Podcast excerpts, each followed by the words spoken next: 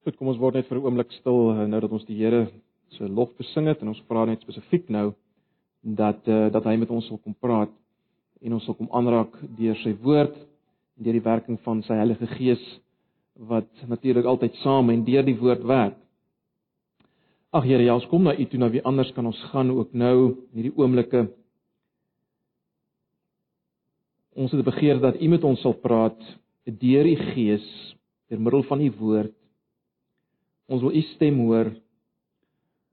U moet ons verander deur die woord. Ja Here, ons is so bewus van ons afhanklikheid van U en U werking deur U Gees in hierdie oggend vir enigiets. En daarom kom lê ons onsself voor U. Ons verwagting is van U, ons verlange is na U. U ken ons, U ken ons elkeen soos ons hier sit. U weet wat in hierdie oomblik in ons gedagtes aangaan, die dinge waarmee ons worstel, swaar kry, pyn, lende, slegte nuus. Ag Here, ek wil bid dat U ook ver oggend vertroosting sal bring waar vertroosting nodig is, dat U sal vermaan waar vermaaning nodig is. Dat U sal terugtrek mense na U toe waar dit nodig is. Asseblief, ons vra dit net in Jesus se naam. Amen.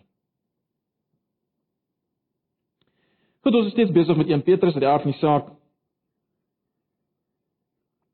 Nou, uh, julle sal miskien oplet dat in die prediking die gedeeltes wat ek hanteer pas nie altyd spesifiek in of stem nie spesifiek ooreen met die uh, gedeeltes wat ons doen in die in die Bybelstudie nie. Ehm uh, is maar bloot baie keer uh, omdat dit moeilik is om in 'n preek 'n groter gedeelte te hanteer. So byvoorbeeld kon mens die hele hoofstuk 1 vanaf vers 13 tot 2 vers 10 kon mens eintlik as 'n eenheid hanteer het, maar terwyl van die prediking deel ek dit op. Uh vanoggend gaan ons kyk, ons het gekom tot by vers 21 verlede Sondag. Ons gaan kyk nou na vers 1 vers 22 tot 2 vers 3. Ek lees maar die 53 vertaling hoor. As julle in gehoorsaamheid aan die waarheid julle siele deur die Gees tot ongeveinsde broederliefde gereinig het, moet julle mekaar lief hê uit 'n rein hart want julle is wedergebore nie uit verganklike saad nie, maar uit onverganklike deur die lewende woord van God wat tot in ewigheid bly. Want alle vlees is soos gras en al die heerlikheid van die mens soos 'n blom van die gras. Die gras verdor en sy blom val af, maar die woord van die Here bly tot in ewigheid. En dit is die woord wat aan julle verkondig is. Lê dan af alle boosheid en alle bedrog en gefeinsheid en afguns en alle kwaadpraatery en verlang sterk soos pasgebore kindertjies, babatjies, na die onvervalste melk van die woord dat jy daardeur kan opgroei as jy ten minste gesmaak het dat die Here goedentieren is. Ons lees net so ver.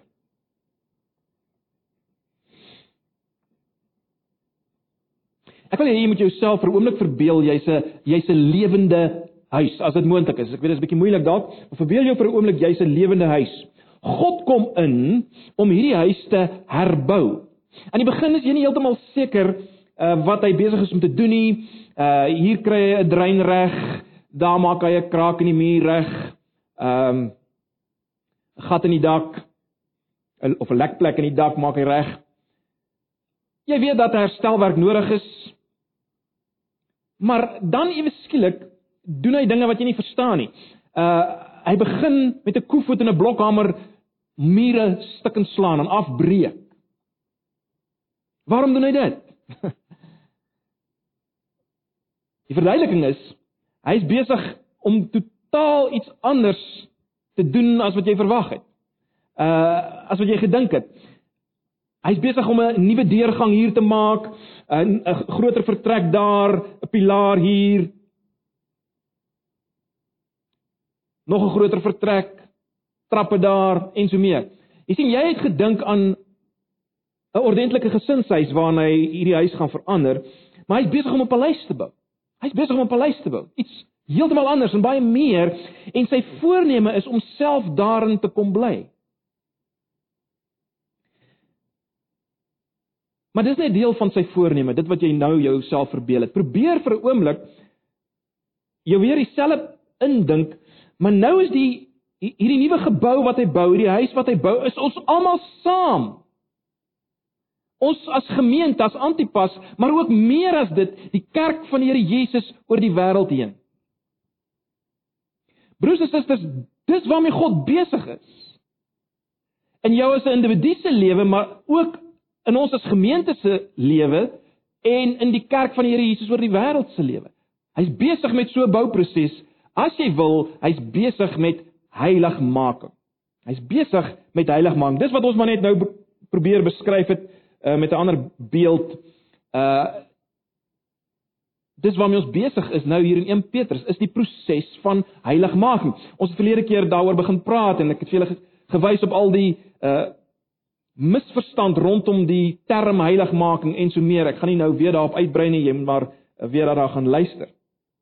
Maar dit is baie baie belangrik dat ons hierdie beeld in ons kop sal hê vir oggend, maar ook vir volgende Sondag. Ek weet die boubeeld kom eers spesifiek in vers 4 voor.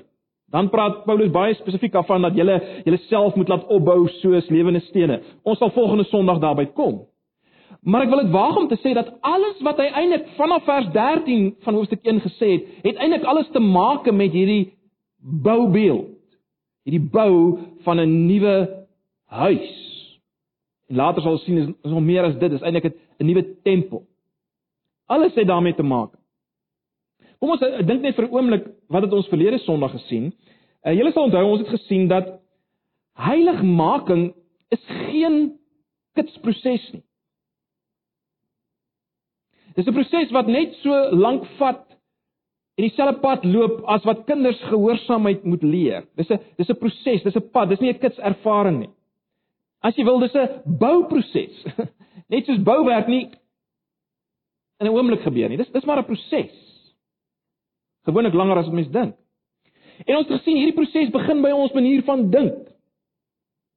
Ons het daaroor gepraat. Ons het gesien dit gaan nie net oor 'n herstelwerkie hier en 'n herstelwerkie daar nie. Ons het gesien dit gaan oor ons of dit raak ons hele lewenswandel. Dis vers 15 van hoofstuk 1. Dit raak ons hele lewenswandel. Met ander woorde jou hele manier van dink en doen en op um, hoe jy optree, uh wat jy begeer en so meer. Dit raak alles. Dit raak alles. Let wel, dit raak my en jou as individue se lewenswandel, dit raak ons as gemeente se hele lewenswandel. Vers 15 en 16 is baie duidelik hieroor, né, nee, as jy net weer terugkyk na vers 15 en 16. Is baie duidelik oor die feit dat God uh om die beeld te gebruik wat ons nou net gebruik het, ons ons as paleise vir homself wil indruk, individueel uh, wil inrig, individueel en gesamentlik. Want dit wat ons kry in vers 15 en 16 kom natuurlik uit Levitikus waar God met die volk gepraat het, let wel. Hy het nie daar met individue gepraat nie. Hy het met die volk gepraat. Ons ons gaan sien later in 1 Petrus uh 2 vers 9 en 10 word daar 'n gedeelte aangehaal presies wat gesê is vir die volk by Sinai. Jy sien dis baie belangrik. Hy's besig om met die volk te praat. So dit gaan nie net hier weer eens oor 'n individu nie, maar luister wat sê hy in vers 15 en 16 van hoofstuk 1 net weer. Maar soos hy wat julle geroep het heilig is, moet julle ook in julle hele lewenswandel heilig word, omdat daar geskrywe is: Wees heilig want ek is heilig. Nou ek weet vir ons klink dit met tydjie bietjie te veel, né? Nee. Dit klink te ver gevat. Wel, Jesus sê by geleentheid: Wees volmaak soos julle hemelse Vader volmaak Miskien miskien sê jy vanoggend vir jouself maar ek sien nie regtig daarvoor kans in my in my eie individuele lewe nie. Om daai pad te stap. Wel ons het verlede Sondag gesien dat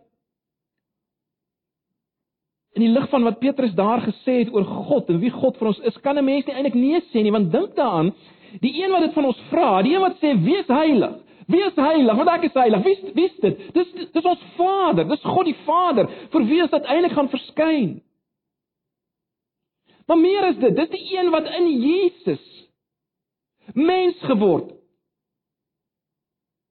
En uiteindelik die pad van lyding geloop het en gehang het aan 'n houtkruis in die Palestynse son, bebloed, gesterf het, uitgeroep het vir ons in ons plek. Dis God die Seun. God die Seun, let wel. Nie 'n onafhanklike derde party nie. Ons het daarop klem gelê. Dis wat hy vir ons gedoen het in Jesus.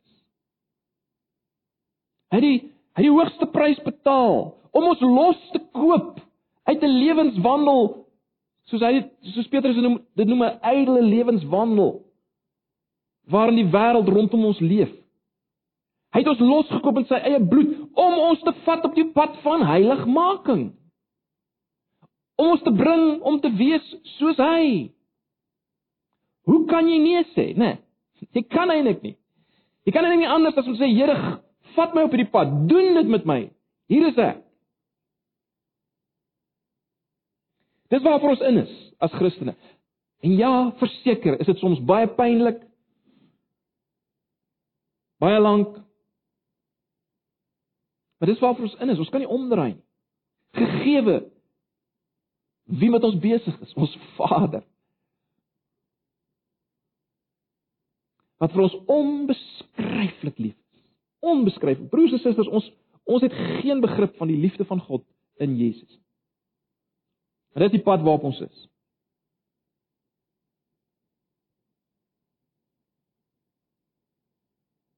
Om terug te kom na die beeld wat ons gebruik het.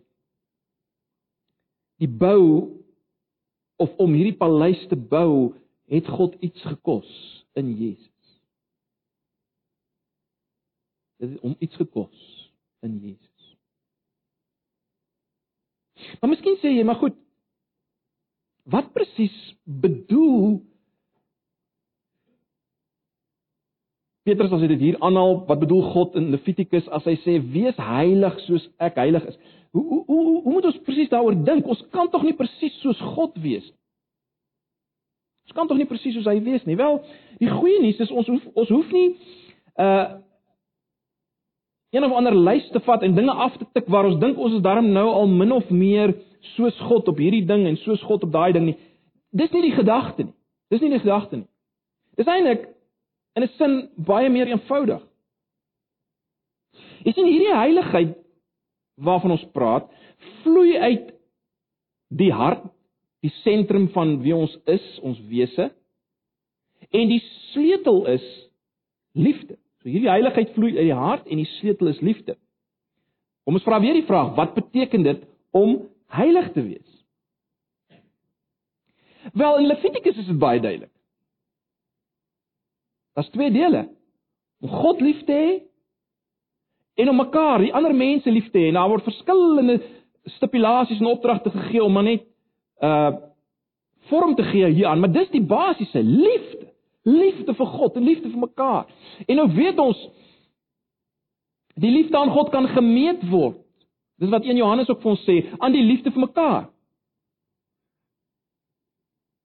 As jy wil weet sê Johannes of jy God liefhet, wel kyk of jy jou broer liefhet. Jy, hoef nie te verder te wonder nie. Dis geweldig, dis geweldig. Onthou God is liefde. Dit is sy dis sy diepste wese. Dit is wat uh, Johannes ook vir ons sê in 1 Johannes. God is liefde. En daarom om heilig te wees soos hy heilig is, beteken eenvoudig om lief te hê soos hy. Dis hoe ons kan heilig wees soos hy heilig is. Dis hoe ons dit kan wees. Eenvoudig soos dit.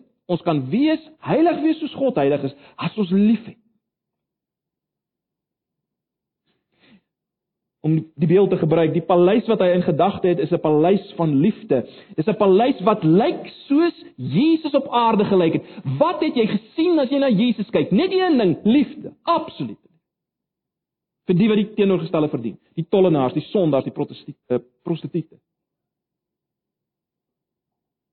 Absoluut nie.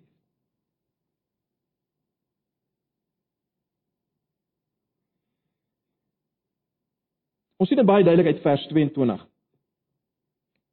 Ons sien in vers 22 dat daar by Petrus geen twyfel bestaan dat liefde vir mede-Christene die watermerk van heiligheid is. Daar's geen twyfel nie. Kyk weer na vers 22. Hy sê as julle in gehoorsaamheid aan die waarheid julle siele deur die Gees tot eind tot ongeveinsde broederliefde gereinig het, moet julle mekaar vurig lief hê uit 'n rein hart. Kom ons kyk 'n bietjie, kom ons dink 'n bietjie oor hierdie vers. Dit is nie so eenvoudig dalk op die as mens so daarna kyk nie. Kyk, dit is baie duidelik dat Petrus nie maar net wil hê dat sy lesers mekaar moet aanvaar uh en verdraagsaam wees nie. Hy wil liefde by sy lesers hê. Baie ernstige liefde. Hy sê liefde uh sonder gefeinsheid, ongefeinsde liefde. Met ander woorde, liefde wat nie maar net lippetaal is nie. Wat maar net maak asof jy lief is. aangeplak is.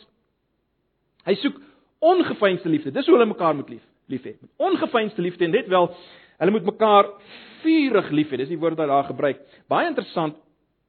En die woord wat hy hier gebruik, die term wat hy hier gebruik vir vurig lief hê, is dieselfde term wat gebruik word vir Jesus se gebed in Getsemane. Is 'n intense, vurige gebed, intense, vurige, passievol liefde. Dis wat Petrus sê, dis hoe julle mekaar moet lief hê.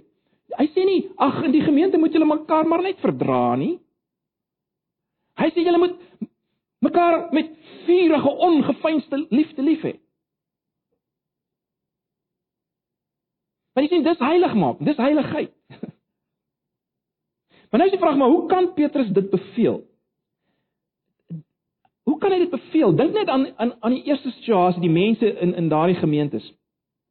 Uh die verskillende agtergronde waaruit hulle gekom het, die die geweldige verdeeldheid wat daar was voor hulle bekering is, Jode en heidene almal was saam, verskillende kulture en so meer. Hoe kan hy dit beveel? Wel, is baie duidelik dat twee dinge is nodig vir hierdie liefde om te verskyn. In die eerste plek moet hoogmoed en selfsug en vervreemding van God moet as te ware weggevee word. Om die boubeeld te gebruik, dit moet afgebreek word En dan moet daar 'n nuwe hart kom wat nuut gebou is, 'n hart wat kan lief hê. Dis nodig voordat die opdrag tot julle moet mekaar vurig lief hê voordat daar of voordat mense dit kan gehoorsaam, moet daar hierdie hierdie nuwe hart wees.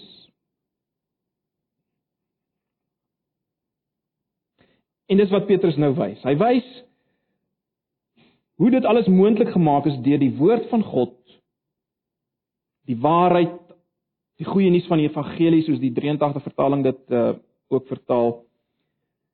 Hy gaan wys dat dit dit is hierdie waarheid wat die wedergeboorte bring, maar ook die verdere groei, die verdere voeding in die waarheid.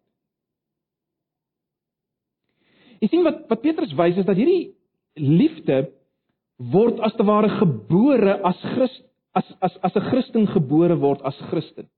Dan word hierdie liefde gebore. En dan kan jy begin om so lief te hê soos hy hier beveel. Wat gebeur in wedergeboorte? Nou moet julle mooi kyk na daai vers. Wat gebeur in wedergeboorte? Julle sal sien daar's 'n wand in vers 23.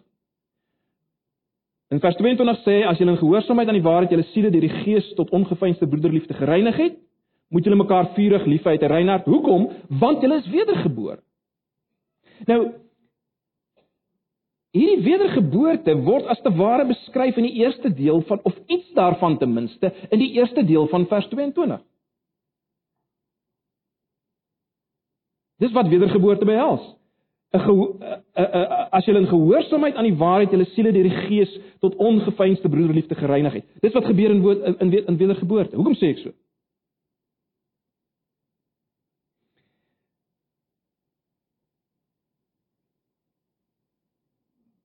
Ek sê so omdat die woord gehoorsaamheid is natuurlik 'n sinoniem vir geloof in die Nuwe Testament. In Johannes 3 vers 36 lees ons: Hy wat in die Seun glo, het die ewige lewe, maar hy wat die Seun ongehoorsaam is, sal die lewe nie sien nie. So daar sien julle geloof en gehoorsaamheid of ongeloof en ongehoorsaamheid gaan hand aan hand. In Romeine 1 vers 5, as jy nog terug uh, kan dink aan Romeine 1 vers 5, het Paulus gesê hy wil geloofsgehoorsaamheid by sy hoorders kry. Dis is is een ding. En dan die deurslaggewende is dit. Luister na wat dieselfde Petrus wat hier skryf, wat hy sê in Handelinge 15 vers 9. Handelinge 15 vers 9. Nadat heidene tot bekering gekom het en die Gees ontvang het. Let wel, die Gees ontvang het. In Handelinge 15 vers 9 sê Petrus dit. Hy sê en hy, dis God, het geen onderskeid tussen ons en hulle gemaak nie, aangesien hy hulle harte gereinig het deur die geloof. So ons kry dieselfde ding hier, maar hier word die term gehoorsaamheid gebruik. Geloof en gehoorsaamheid gaan saam met hierdie reiniging. So wat beskryf eh, Petrus hier? Wel dit. As daar geloof is in die waarheid, onthou nou wat hy sê, as jy in gehoorsaamheid aan die waarheid of dan as jy in geloof as daar geloof in die waarheid is, dan vind hierdie reiniging plaas deur die Gees.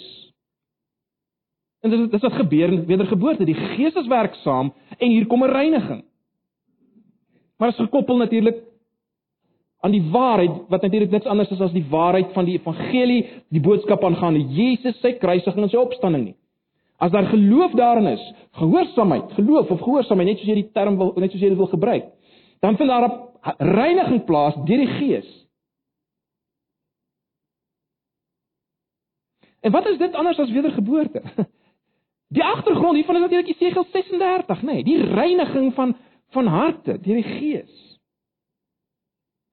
So Paulus skryf vir mense wat dit wat al in Jesegiel 36 beskryf is deurgegaan het. Die ou hart van klip, daai hart wat nie sag is nie, nie buig buigsaam is nie, nie liefdevol is nie, daai hart is uitgeneem en dis vervang met 'n hart wat sag is, wat warm klop, wat kan lief hê, wat buigsaam is. Dis die wedergeboorte deur die Gees waarvan Jesegiel 36 praat.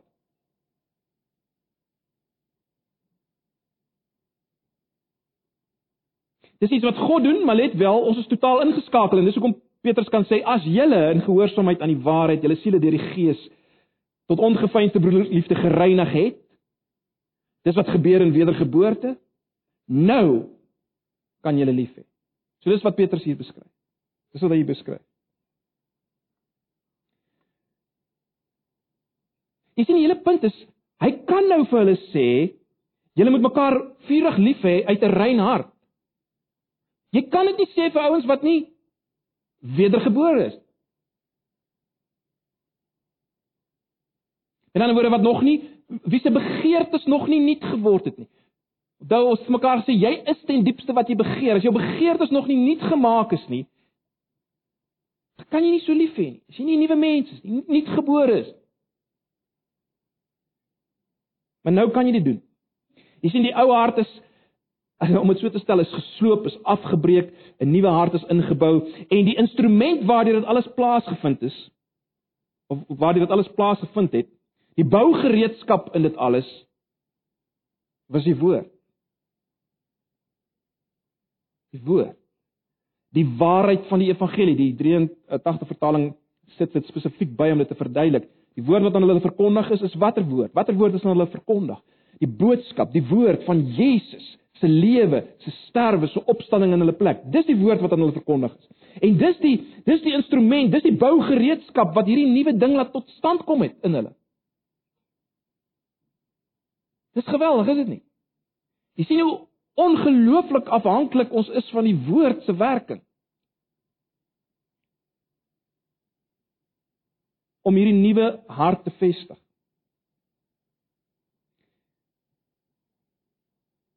So die woord maak dit moontlik om heilig te wees omdat dit ons wederbaar het.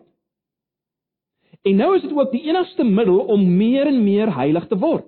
Dis die enigste middel om meer en meer heilig te word. Dit het hierdie verandering gebring. Hierdie gereinigdheid gebring sodat ek kan heilig word, naamlik lief hê wat heiligheid is.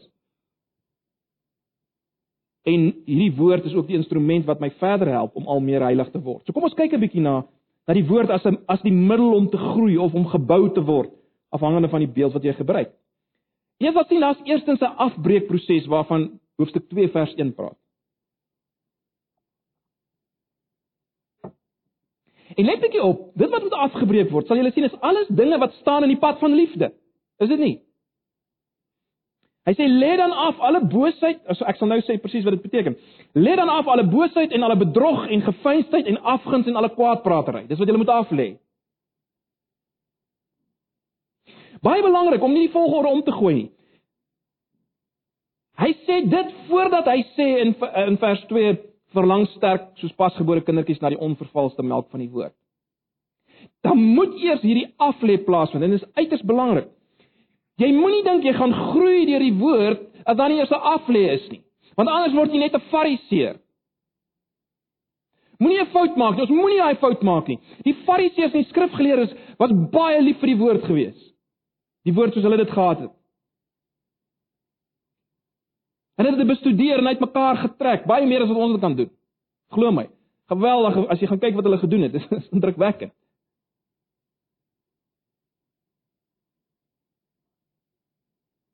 So daar's die gevaar. Daar's die gevaar dat as ons nie eers af lê uh dat ons eintlik maar net fariseërs en skrifgeleerdes word. Vreeslik slim oor die Bybel. Verstaan alles, maar daar's niks liefde nie. Daar's daar's daar's gefeinsheid, daar's bedrog, daar's afguns, daar's kwaadpratery. Dis die fariseërs, gewit gepleisterde grafte. En dis nie heiligheid. Jy sien die punt is ons het nou nuwe harte. Ons is nou in staat om af te lê, om te los. Ja, al al kos dit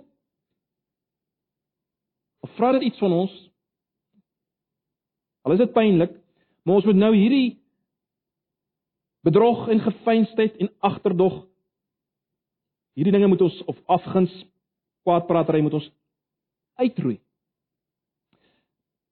Kom ons kyk net vinnig na na die terme wat hier gebruik word. Ek sê weer, dis alles dinge wat in die pad staan van liefde. Net so terloops die die die woord wat ons vertalings met boosheid vertaal. Eh, die Griekse woord het die het die gedagte, die betekenis van haatdraande gevoelens, hateful feelings. Petrus sê julle moet dit af lê, daai haatdraande gevoelens teenoor medebroers en susters. Lê dit af. Teenoor ander mense. Lê dit af. Haatdraande gevoelens.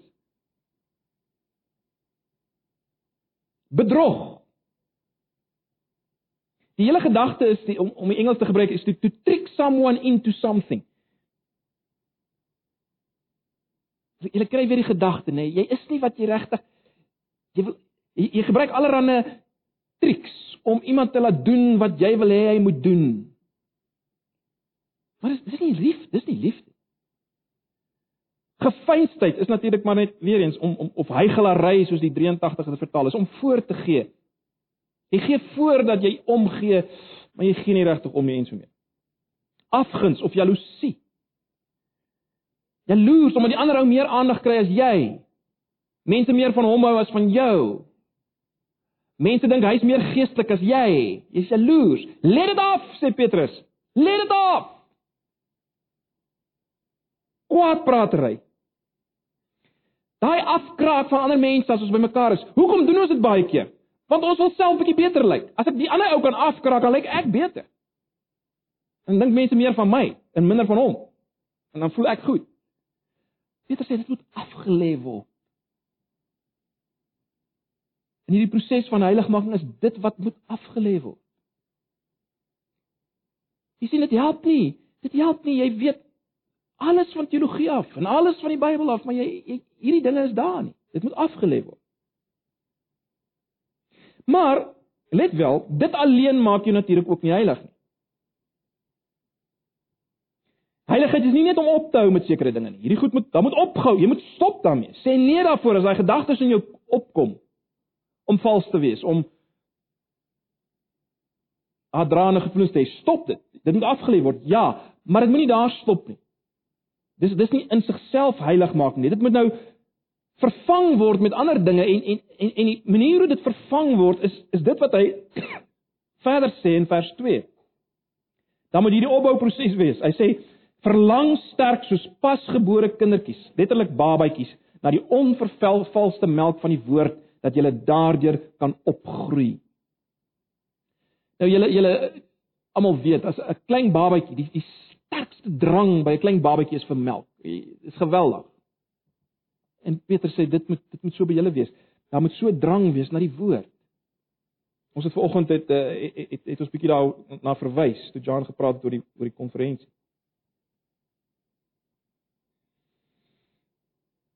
Jy sien, die woord is nodig vir die heiligingsproses. Dink aan Jesus in Johannes 17 vers 17. Hy, hy as hy bid, sy hoëpriesterlike gebed, dan bid hy vir sy Vader: "Heilig hulle."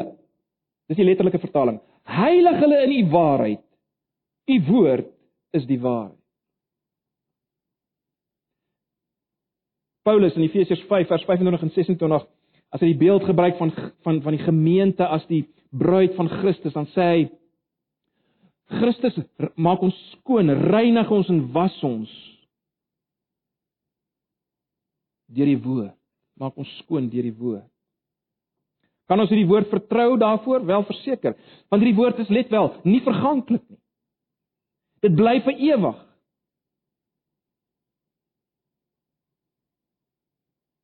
Dit gaan ons vat tot in ewigheid. Dit wat die woord tot stand gebring het. Selfs mense wat langer as gras leef vergaan, maar die punt van Paulus is die woord bly vir ewig. En let op, dis onvervals. Die woord wat aan hulle verkondig is, is natuurlik die getuienis, die suiwer apostoliese getuienis van Jesus se lewe, sterwe en opstaan wat hulle aan hulle oorgedra het.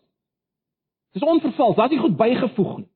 Ja, maar jy moet ook nog dit en dat en dit en nee, dis die evangelie boodskap. Die suiwere woord is gebring aan hulle. En dis die hierdie onvervalste melk waar hulle kan op opgroei.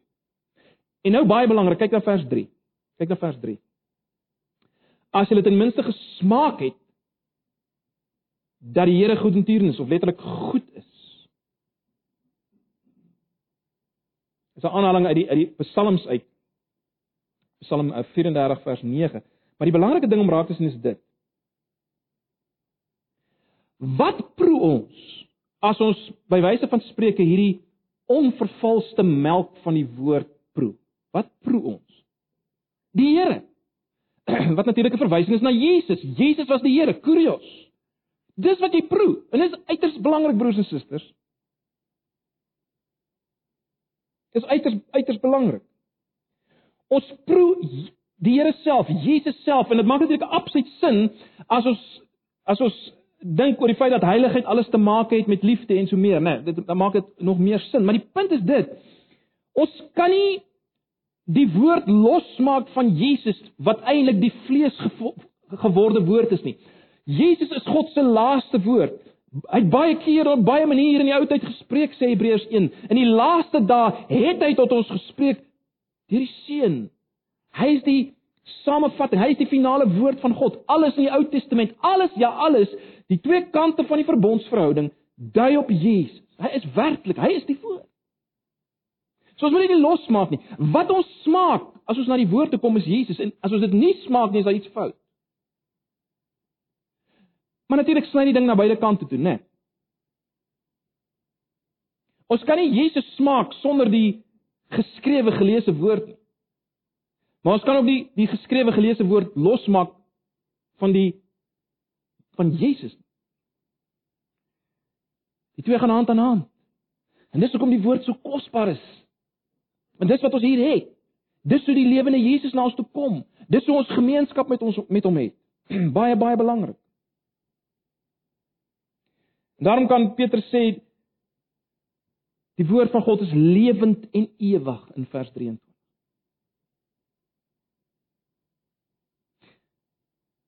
Ag broers en susters, Kom ek sluit af met 'n paar laaste gedagtes.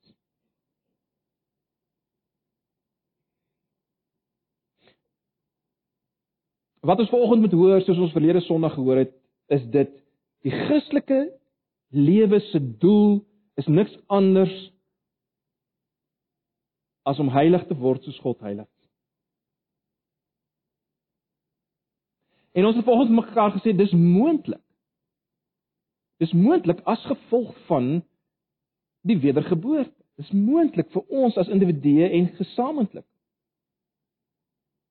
Let wel, ons nie net as individue heilig word nie, gesamentlik heilig word. Baie belangrik, ons het vir mekaar gesê vanoggend dat heiligheid ten diepste En dis baie belangrik want dit dit vee al die verkeerde idees van heiligheid by die deur uit. Heiligheid ten diepste te maak met liefde.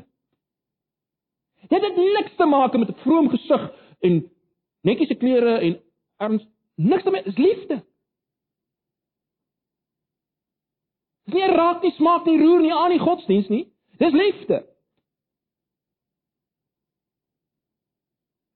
Heiligheid is om vurig lief te hê uit 'n rein hart en is moontlik vir die wedergeborenes. En daarom is heiligheid nie om net teologies slimmer te word nie. Heiligheid is nie om aan elke aktiwiteit van die kerk by uh, uh, deel te neem en dan te dink jy's heilig of 10 ure Bybelstudie te doen nie. Dit dit het nog niks met heiligheid te maak nie. Dis dalk dis dalk 'n uh, dit is dit, dit help in die proses, maar dis nie heiligheid in sigself nie. Al staan jy elke oggend 3 uur op en hou stilte tyd tot 10 uur die aand, dis nie heiligheid nie. Dis nie heiligheid as jy daar opstaan en daar's geen geen geen geen liefde by jou nie. Dis baie baie belangrik. Wat ons ook vanoggend sien is dit heiligheid hierdie proses gebeur nie outomaties nie. Aan die een kant moet daar 'n aflê wees van al hierdie dinge wat in die pad staan van liefde. Hierdie dinge binne in jou, hierdie dinge binne in jou wat jy in jou hart dra, jy moet dit aflê. Sê nee daarvoor. Stop dit, vervang dit. As ek so gedink het oor iemand, doelbewus dink ek nou anders oor iemand. Daar's 'n aflê en aan die ander kant is daar 'n 'n smag, 'n smag na die woord soos soos 'n babatjie na na melk smag. En ag broers en susters, daarmee moet ons mekaar help en daar's praktiese maniere om mekaar te help daarmee. Ons het nou hierdie eh, manne in die woord konferensie om ons te help om 'n liefde vir die woord te kry. Maar baie baie belangrik. Ons mag nie dat dit net bly by 'n tegniese liefde vir die vir die manier van Bybelstudie doen nie. Dit is natuurlik altyd as altyd met hierdie wonderlike dinge is daar altyd die gevaar. Dit moet wees sodat ons uiteindelik kan smaak dat die Here goed is, dat ons hom kan proe deur dit. Maar dis 'n dis dis 'n middel wat ons help. Ons moet alles gebruik wat ons help. Wat ons as te ware verslaaf gaan maak aan die woord. Maar let wel, nie verslaaf aan die woord as 'n blote geskrif nie. Verslaaf aan Jesus. Die uiteindelike vleesgeworde woord. Dis waarmee ons moet besig wees. Ag, en dis dis my gebed en ek weet dis dis baie van ons se gebed dat ons in ons gemeente al meer en meer hierdie absolute liefde sal ontwikkel vir die woord en die hantering van die woord, die die fisiese geskrif, maar sodat ons al meer en meer liewer sal word vir Jesus en vir mekaar. Want dis heiligheid. En dis waarna toe God op pad is met ons. En dis waar ons so ver nog tekort kom, is dit nie? Mag die Here ons genadig wees en mag hy juis alles waarmee ons besig is in die prediking en die Bybelstudies as ons in kontak kom met hierdie woord ag hy sal gebruik om om ons te bou te verander sodat hy in ons midde kan woon as individue maar ook gesamentlik. Amen. Kom ons bid net saam voor ons se laaste lied. Ag Here baie dankie vir u woord. Wat ons het in ons hande. Die geskrewe woord wat ons in kontak bring met u die lewende woord. Die een vir wie ons uiteindelik gaan verskyn en wie se oë ons gaan kyk wie se deurboorde hande en deurboorde voete vir ons ons gaan raak sien. Ag Here.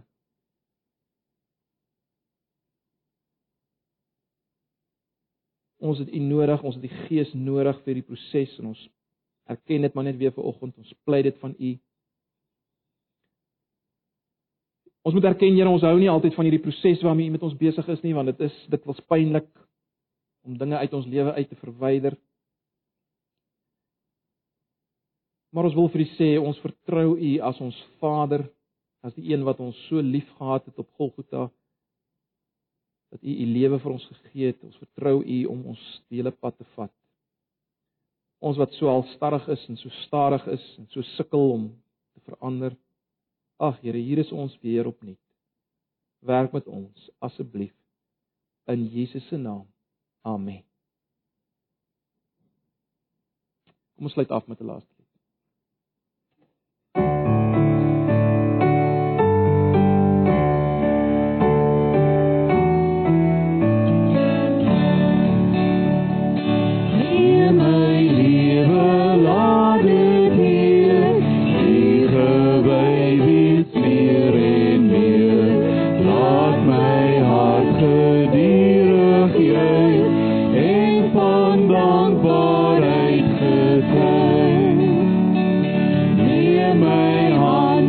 more.